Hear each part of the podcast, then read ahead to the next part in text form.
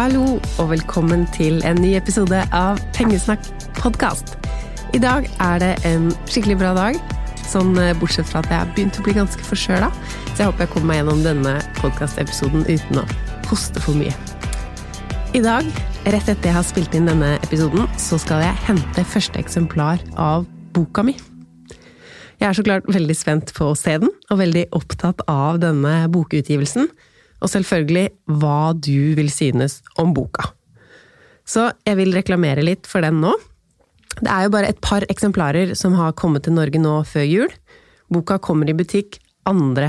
januar. I boka har jeg skrevet en del om hvordan jeg mener man kan tenke på penger. Jeg har laget et system for at du lettere skal kunne bestemme når du skal kjøpe, og når du skal spare. Jeg går igjennom de vanene som gjør det mulig for meg å bruke lite penger, spare mye penger, og det å ha det veldig bra samtidig med at jeg bruker lite. I boka så er det også med litt mer tekniske ting, altså hvor jeg går igjennom alt som jeg mener kan gi deg en mye bedre økonomi. Og det gjelder både om du er én person, et parforhold eller en hel familie. Og i boka så skriver jeg også litt om det med sparemål. Både små sånn hverdagssparemål, man sparer til en ferie eller noe i litt kortere tid, men også om de aller største sparemålene og det å legge en plan. Hvis du kjenner at eh, denne boka vil du ha i livet ditt, så kan du gå inn på ark.no slash pengesnakk, eller via linken som jeg har lagt i episodebeskrivelsen her i podkasten. For da kan du forhåndsbestille boka. Og hvorfor skal du forhåndsbestille? Jo, det jeg faktisk tre grunner til deg for at du skal gjøre. For det første så er du sikret å få boka. Da boka ankom forlaget i går, så ringte de meg og sa at eh, boka er så fin, det ser ut som en eh, bestselger. Forlaget har jo så klart gjort sin beregning tidligere på hvor mange eksemplarer som skal selges av denne boka, så det er det som er trykt opp. Men det er jo helt umulig å vite hvor mange som kommer til å kjøpe en bok. Så jeg håper at det er nok eksemplarer til alle de som vil ha, men de eksemplarene skal jo også fordeles rundt om i hele Norge, så det er ikke sikkert det kommer så veldig mange akkurat til din lokale bokhandel. Så jeg vet egentlig ikke så mye om den distribusjonen av de eksemplarene som skal komme, men den vil finnes i hvert fall i alle kjedene. Altså i Ark, Tanum, Nordli, men kanskje ikke i alle enkeltbutikker av alle bokhandelkjeder. Så men hvis du forhåndsbestiller, så er du i hvert fall sikret å få eksemplaret i starten av januar. I tillegg så gir nettbokhandlerne rabatt på boka. Jeg har jo vært opptatt av at dette ikke skal bli en dyr bok for dere. Det hadde jo liksom ikke passet helt med meg og pengesnakk, så boka kommer til å koste 299 i butikk. Men hvis du forhåndsbestiller, så ser du at den koster bare 262 kroner nå. Så gå på den linken jeg la i episodebeskrivelsen, så finner du det til den prisen. I tillegg så er det gratis frakt hvis du forhåndsbestiller, så det er ingen ulemper med å forhåndsbestille boka, det er kun fordeler. Så jeg håper at boka At du liker boka. Dagens episode den handler om noen grep som du kan ta, som du bør ta, og noen av dere faktisk må ta, for å få en økonomi du kan leve med. Jeg skal snakke om at du må betale dyr gjeld før du sparer i fond, og at du skal spare i BSU også om du ikke har en stor buffer. Men eh, Det var liksom sånn rekkefølgen av ting. Men jeg har et enda viktigere budskap, sånn som jeg ser det. Så denne episoden er det er nok for eh, alle. Alle kan alltid ta noe med seg videre, men denne episoden er mest til deg som kanskje nettopp har fattet interesse for din egen økonomi. Kanskje er deg som alltid har hatt det trangt.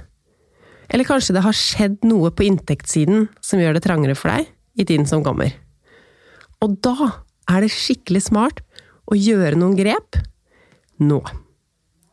For det er vanskeligere å gjøre noe med forbruket når det har gått lengre tid. Hvis man har levd over evne over en stund, så er det vanskeligere. Det er jo uansett ikke lett å omstille, men det er mye lettere å gjøre det frivillig, sånn litt før du må. Kanskje går du på arbeidsavklaringspenger, Kanskje har du blitt ufør eller mistet jobben. Det er mye som kan skje, som har store innvirkninger på økonomien vår. Det setter liksom både økonomien og livet helt på hodet. Det kan også handle om et samlivsbrudd, at husholdningen din går fra å være to stykker som jobber, til bare én voksen, men som fortsatt har mange av de samme utgiftene. Da må vi også ta noen grep. Så jeg skal gå gjennom seks steg i dag, sånn at du kan få til det her. Og det første steget, det er kanskje det aller vanskeligste. Og det er jo litt dumt, sånn motivasjonsmessig, at det første steget er vanskelig. For jeg vil jo at økonomien din skal være noe du føler at du mestrer. På den positive siden, når du har klart nummer én, så vil de andre grepene kanskje bli enklere å ta. Så steg én er rett og slett å godta situasjonen. Eventuelt også gjøre noe med den. Og grunnen til at det kan være så vanskelig, det er at det kan føles urettferdig at du har havnet der du er, der at du må gjøre endring. Det er urettferdig å være den som får en kronisk sykdom, eksempel. Og det er jeg helt enig i, det er urettferdig. Selv har jeg to, og det kan føles enormt urettferdig. Men jo mer jeg tenker på det, jeg kan også velge å være takknemlig. Jeg er så takknemlig for at jeg bor i Norge, at det finnes moderne medisin, sånn at jeg faktisk, så lenge jeg tar medisin hver dag, så lever jeg helt fint, nesten helt fint, med den ene, mens den andre fortsatt plager meg hver dag. Men vet du hva jeg har funnet ut? At det ikke hjelper å være sint. Det hjelper ikke å fokusere på hvor urettferdig det er at jeg må ha vondt i hodet hver eneste dag. Og det er ikke lett å slippe sånne følelser, og de slipper jo til av og til. Men hvis du har noe du skylder på for at økonomien din eller livet ditt ikke er helt slik som du ønsker det, eller kanskje til og med ganske langt fra slik du ønsker det, innse at det ikke hjelper å ha fullt fokus på det. Det som hjelper, er å fokusere på de tingene som du faktisk kan gjøre noe med og kontrollere selv. Nå skal jeg si et sitat, jeg vet ikke hvem som sa det først, men faren min pleier å si det. Det handler ikke om hvordan du har det, det handler om hvordan du tar det. Og grunnen til at det er så viktig, det er to ting. For det første så er det jo sånn at hvis vi er opptatt med å synes synd på oss selv, lage unnskyldninger, selv om også unnskyldningene er reelle, så gjør de at vi ikke får starta på den ordentlige jobben. Og når vi syns synd på oss selv, så får vi ikke da den naturlige og nødvendige mm, motivasjonen og driven til å endre. Vi vil at noen andre skal fikse det. Det er ikke vår skyld at vi havner her, da har ikke vi lyst å gjøre den jobben heller for å komme oss ut av det, eller for å få det bedre. Men det skjer jo ikke at noen andre kommer inn og fikser det. Vi sliter oss bare ut, og det fører jo også akkurat til det samme, at vi ikke får starta på den viktige jobben med å ta kontrollen selv og finne ut hvordan vi kan få det bedre med vår økonomi og i vårt liv. Og bli liksom den som har kontroll og oversikt over pengene. Så da spiller det egentlig ikke noen rolle hvordan vi havnet i denne situasjonen. Og nå snakker jeg ikke nødvendigvis om nedsylta i gjeld, det kan handle om bare at du vil bruke mindre penger, du innser at det her forbruksgreiene det leder ikke til noe godt, og du har bedre ting å bruke pengene på, enten om det er sparing eller andre ting du heller vil kjøpe. Uansett grunn. De pengene og de beløpene, de bryr seg ikke om om ja, hvis det var en kjip eks som tok opp et lån og stakk. Din økonomiske situasjon og dine regninger, de bryr seg ikke om at du ikke hadde forsikring, at legen ga deg feil råd, eller at mammaen din sa det var lurt å gjøre et eller annet studie som du ikke får noe jobb, og nå må du begynne på nytt. Det spiller faktisk en veldig liten rolle. Det er ikke så ofte jeg er i sånn eh, streng modus som det her, og det er jeg egentlig ikke nå heller. Jeg prøver bare å hjelpe deg til å innse noe som jeg må hjelpe meg selv med noen ganger også. Kom over det, Lise. Den eneste måten dette kan bli bedre på, er at jeg starter å gjøre det bedre. Kanskje jeg ikke får gjort noe med alt, men hva kan jeg gjøre noe med, da? Og så begynne der. Så hvis vi snakker om en gjeld, da. gjelda di driter i hvordan den oppsto. At du plutselig har forsørgeransvar alene, det kan være din skyld, eller det kan være ikke din skyld i det hele tatt. Men uansett så er faktaene og den økonomiske byrden, den er det samme, uansett hvem sin skyld det er at situasjonen oppsto. Så ja, du kan synes at det er urettferdig og dritt av og til, for det er det jo. Men vit samtidig at det ikke hjelper å ha for mange sånne tanker over tid. Gjør heller noe nyttig. Noe som kan få ting til å bli bedre. Uansett hvorfor det ble som det er. Og at jeg snakker om det her, det kommer ikke fra ingen steder. Det kommer jo fra ting og tang som dere skriver til meg, og veldig ofte ser jeg noe som går igjen, og det er unnskyldningene. Hvorfor det ble sånn, hvem sin skyld det var, hvordan det heller burde vært, om det er staten eller kona eller læreren. Uansett, det er mange vi kan skylde på, men det er ikke så mange som kan fikse vår økonomiske situasjon for oss. Så jeg mener ikke at det ikke er synd på deg, eller at du ikke har vært uheldig. Jeg mener bare at det ikke hjelper å fokusere for mye på det. Så hvis du er ute etter et nyttårsforsett, kanskje, så kan dette være det. Ikke la hele livet ditt gå til å synes synd på deg selv, til å skylde på andre og lage unnskyldninger. Fordi unnskyldningene de er på en måte ganske trygge også, for de gir oss jo en grunn til å la være. Litt som jeg snakket om i den livesendingen jeg hadde forrige uke. Hvis du gikk glipp av det, så går det fortsatt an å se klippet. Jeg gikk i Facebook-gruppen Pengesnakkerne og hadde et minikurs live Sleit litt med teknikken, hakka litt av og til, men eh, det er absolutt en time som er verdt å få med seg. Så, hvis du ikke er med i Facebook-gruppen Pengesnakkene, Facebook-gruppen Pengesnakkerne, så kan du legge deg til der, og så ligger livesendingen der inne fortsatt. Så kommer vi til nummer to. Og da må vi finne ut litt hva er egentlig problemet? Eller hva er det som snart vil kunne komme til å bli et problem? Altså, vi må kartlegge. Er ditt problem at du ikke får investert så mye som du ønsker? Eller er problemet at du ikke kommer til å ha råd til å betale strøm og barnehage og sånne viktige ting neste måned? Det er mange som hører på Pengesnakk podkast, og vi har alle ulik økonomi. Så dette kartleggingssteget, det må vi gjøre hver for oss selv. Hvor er du i dag, og hvor vil du være? Gjerne send meg en mail om det. Jeg rekker jo dessverre ikke å svare på alle mailer fra dere lenger, beklager det. Men jeg leser alt, og det er med på å forme innholdet jeg lager til dere. Så hvis jeg får mange tilbakemeldinger nå på hva som er din utfordring, eller hva det er du ønsker å endre i din økonomi, så kan jeg lage innhold for akkurat dere som har samme hva skal jeg si, reise foran dere. Så i dette steget så må du se på tallene. Penger inn og penger ut. Og ikke nødvendigvis gå bakover i tid. Det er ganske viktig for meg å understreke, fordi mange vil gi deg råd om å gå tilbake i tid, tre måneder eller seks måneder, kartlegge alt, sette i system, lage et budsjett, og så skal alt bli bra. Jeg tenker at det er litt for lettvint. Jeg skal ikke si at det ikke kan gå bra, men jeg tror det er ganske langt fra virkeligheten for mange. Og hvis du synes at alt med økonomi er litt dritt akkurat nå, så er det ikke sikkert du har superlyst til å regne sammen gammelt forbruk, kose deg med å sette opp et budsjett. Og hvis det er deg som tenker det der, ja, så bare blås i det med budsjett akkurat nå.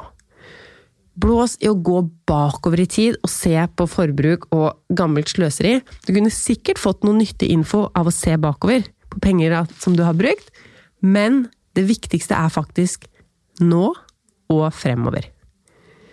Så vil jeg faktisk foreslå for deg å føre en forbruksliste.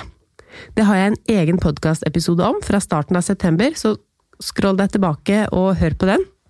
Da var planen at jeg og dere skulle gjøre dette sammen. Vi skulle skrive opp alt vi brukte penger på i 30 dager. Sånn mot slutten av måneden så falt jeg litt ut.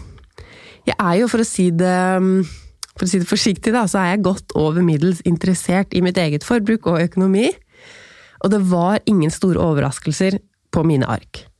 Jeg hadde én forbruksliste for felles for familien, og så hadde jeg én for bare mitt forbruk.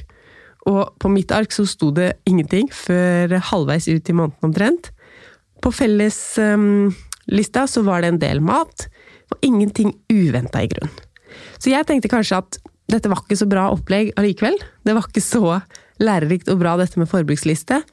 Men jo lenger ut i måneden vi kom, jo mer hallelujapreg ble det på tilbakemeldingene fra dere. Dere hadde fått oversikt. Dere så hvor ofte dere egentlig dro kortet, og at kjøp og trekk fra kontoen, det er noe som skjer hele tiden. Dere så at små summer ble mye over tid. Dere lot være å handle ting dere ville kjøpt kanskje uten å tenke over det før. Fordi å føre forbruksliste, det gjør at du må tenke på ting flere ganger. Du skal skrive opp summen rett etterpå, så da blir det en mye større bevissthet rundt alle penger du bruker. Dere lot være å kjøpe noen ting, bare fordi dere ikke gadd å føre det opp på lista. Og så fant dere feil i det som hadde blitt slått inn i kassa, fordi dere kanskje vanligvis ikke tar med kvittering, men det gjorde dere nå, og da kunne dere oppdage andre ting også. Det kom så flere fantastiske ting ut av at dere gadd. At dere gadd å skrive ned alt dere brukte penger på i 30 dager, og at det var skikkelig lærerikt og aha-opplevelser for mange av dere. Så hvis du ikke var med den runden, så kanskje det er noe å starte med 1. januar. Enda et forslag til nyttårsforsett fra meg her. Jeg legger link til i blogginnlegget på pengesnakk.no. Du kan søke på forbruksliste for å printe ut mitt skjema, men let's be real, du kan bare skrive ned forbruket ditt på et helt vanlig ark. Eller på telefonen. Eller i et Excel-dokument, hvilken type du er. Jeg er penn og papir-typen, og hvis du også er det, så har jeg laget et skjema du kan printe ut gratis, men du kan altså skrive ned forbrukslista di hvor som helst. Og det er en jobb. Men hvis du vil senke forbruket, hvis du vil være den som har kontroll, så er det vel investert tid. Og det er mye lettere faktisk å ta kontroll og føre forbruket som du driver med nå, enn å gå tilbake i tid flere måneder. Så bry deg fra og med i dag om hvor mange kroner du bruker hver dag. Kanskje bruker du null kroner i morgen? Ja, det er verdifullt å følge med på. Punkt nummer tre som jeg vil ha med i dag, det handler om gjeld. Og hvis du har dyr gjeld, så er det en hastesak. Jeg blir så lei meg når jeg ser de artiklene som eh, nå rundt omkring etter at gjeldsregisteret kom på plass. Det er mange, veldig mange, som har masse gjeld. Og ikke bare har vi masse gjeld på bolig, den har vi ofte en plan for som vi klarer å følge, men gjeld som bare vokser og vokser, og er vond. Det er ikke mange uker siden jeg spilte inn en podkastepisode med Beate Engelskjønn. Hun er økonomisk rådgiver i Nav. Hun har hjulpet mange og i podkastepisoden som heter Slik kommer du deg ut av gjeldsproblemer, får du mer konkret hva du kan gjøre, hvor du skal starte. Så hør på den hvis du har mye gjeld. Og grunnen til at jeg sier at det er en hastesak, uansett egentlig om det er mye eller lite, det er fordi det er dyrt å vente med den.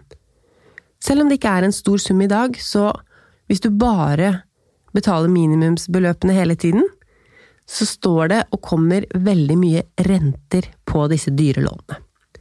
Så ikke start med noe investering. Ikke spar til buffer engang ved siden av. Gjeld først. Og da snakker jeg om dyr gjeld, ikke boligen din, eh, men sånn gjeld som har 7% eller mer. Det kan være 30 altså. Og jo høyere den effektive renten er, jo mer haster lånet. Så ta ordentlig grep om gjelden, det er noe du bare må gjøre før du gjør noe annet. Og det kan være tøft.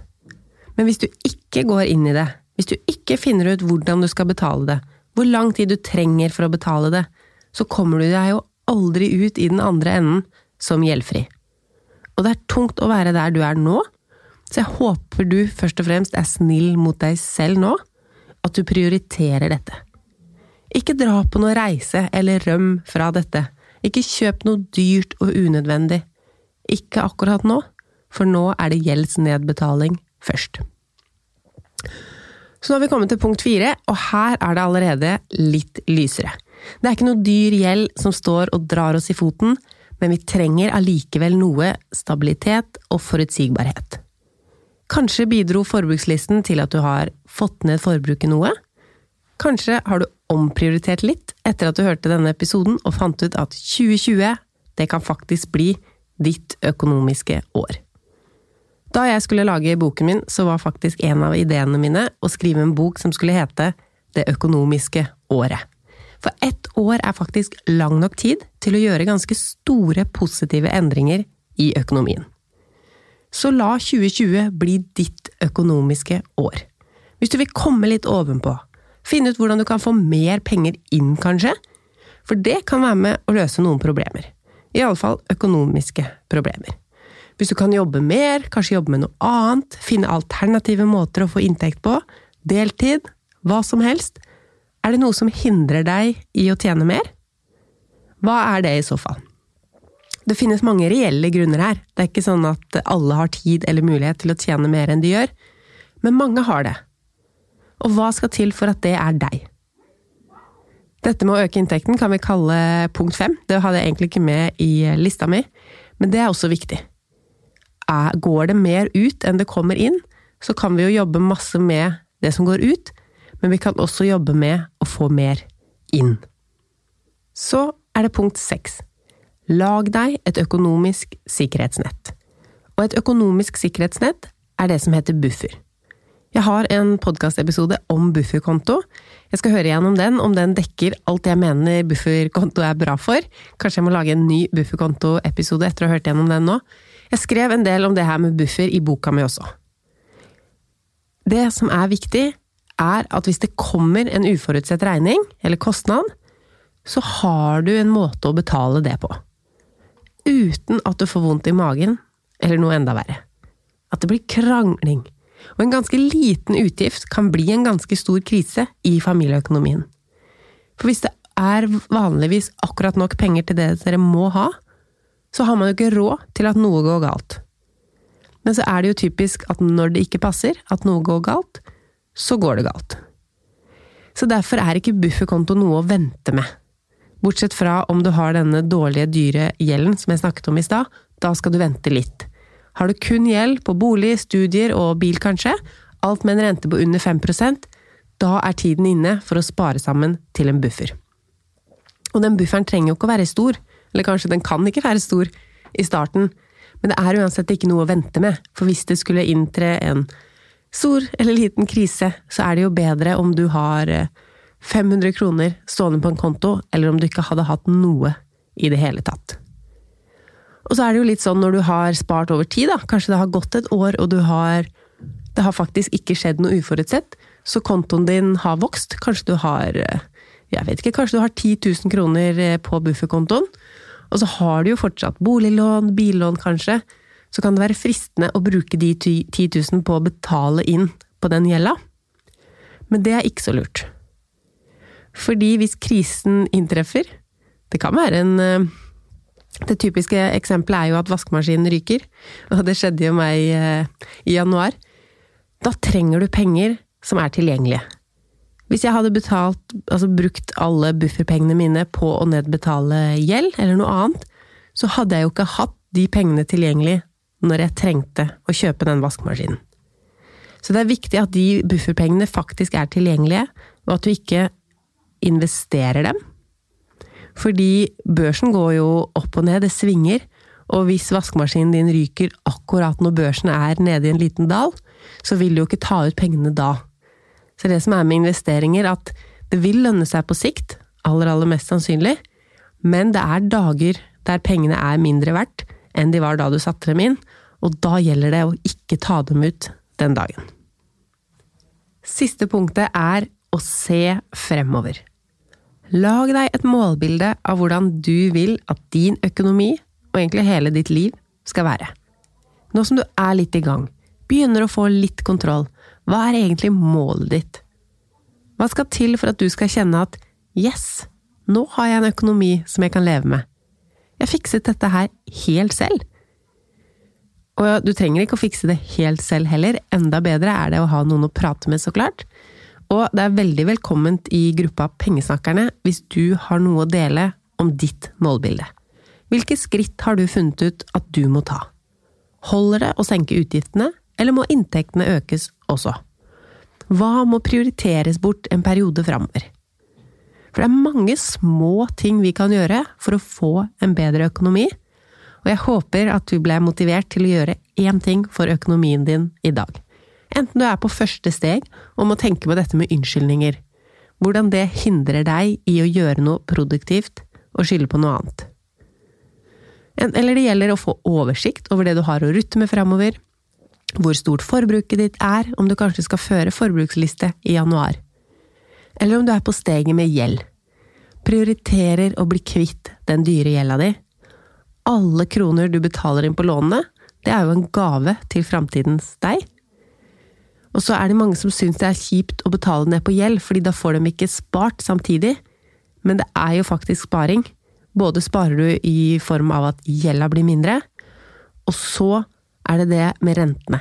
At det er så dyrt å la være. At når du faktisk har fått betalt ned, da, så kan du bruke de pengene du pleide å bruke på gjeldsnedbetaling og renter, til sparing.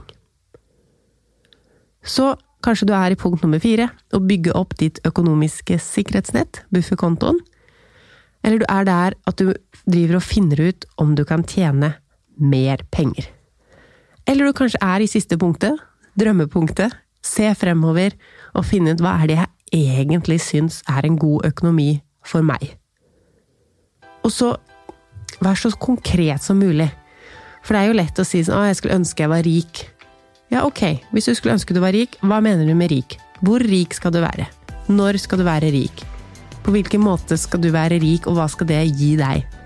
Er det antall kroner du kan bruke i måneden du mener når du snakker om rik, eller hva er det du egentlig ønsker deg? Gå helt i dybden, fordi jo mer konkret du er med hva du ønsker deg for din økonomi, jo lettere er det å faktisk virkeliggjøre det for seg selv på sikt. Takk for at du valgte å høre på Pengesnakk podkast i dag. Jeg er tilbake neste mandag. Vi snakkes.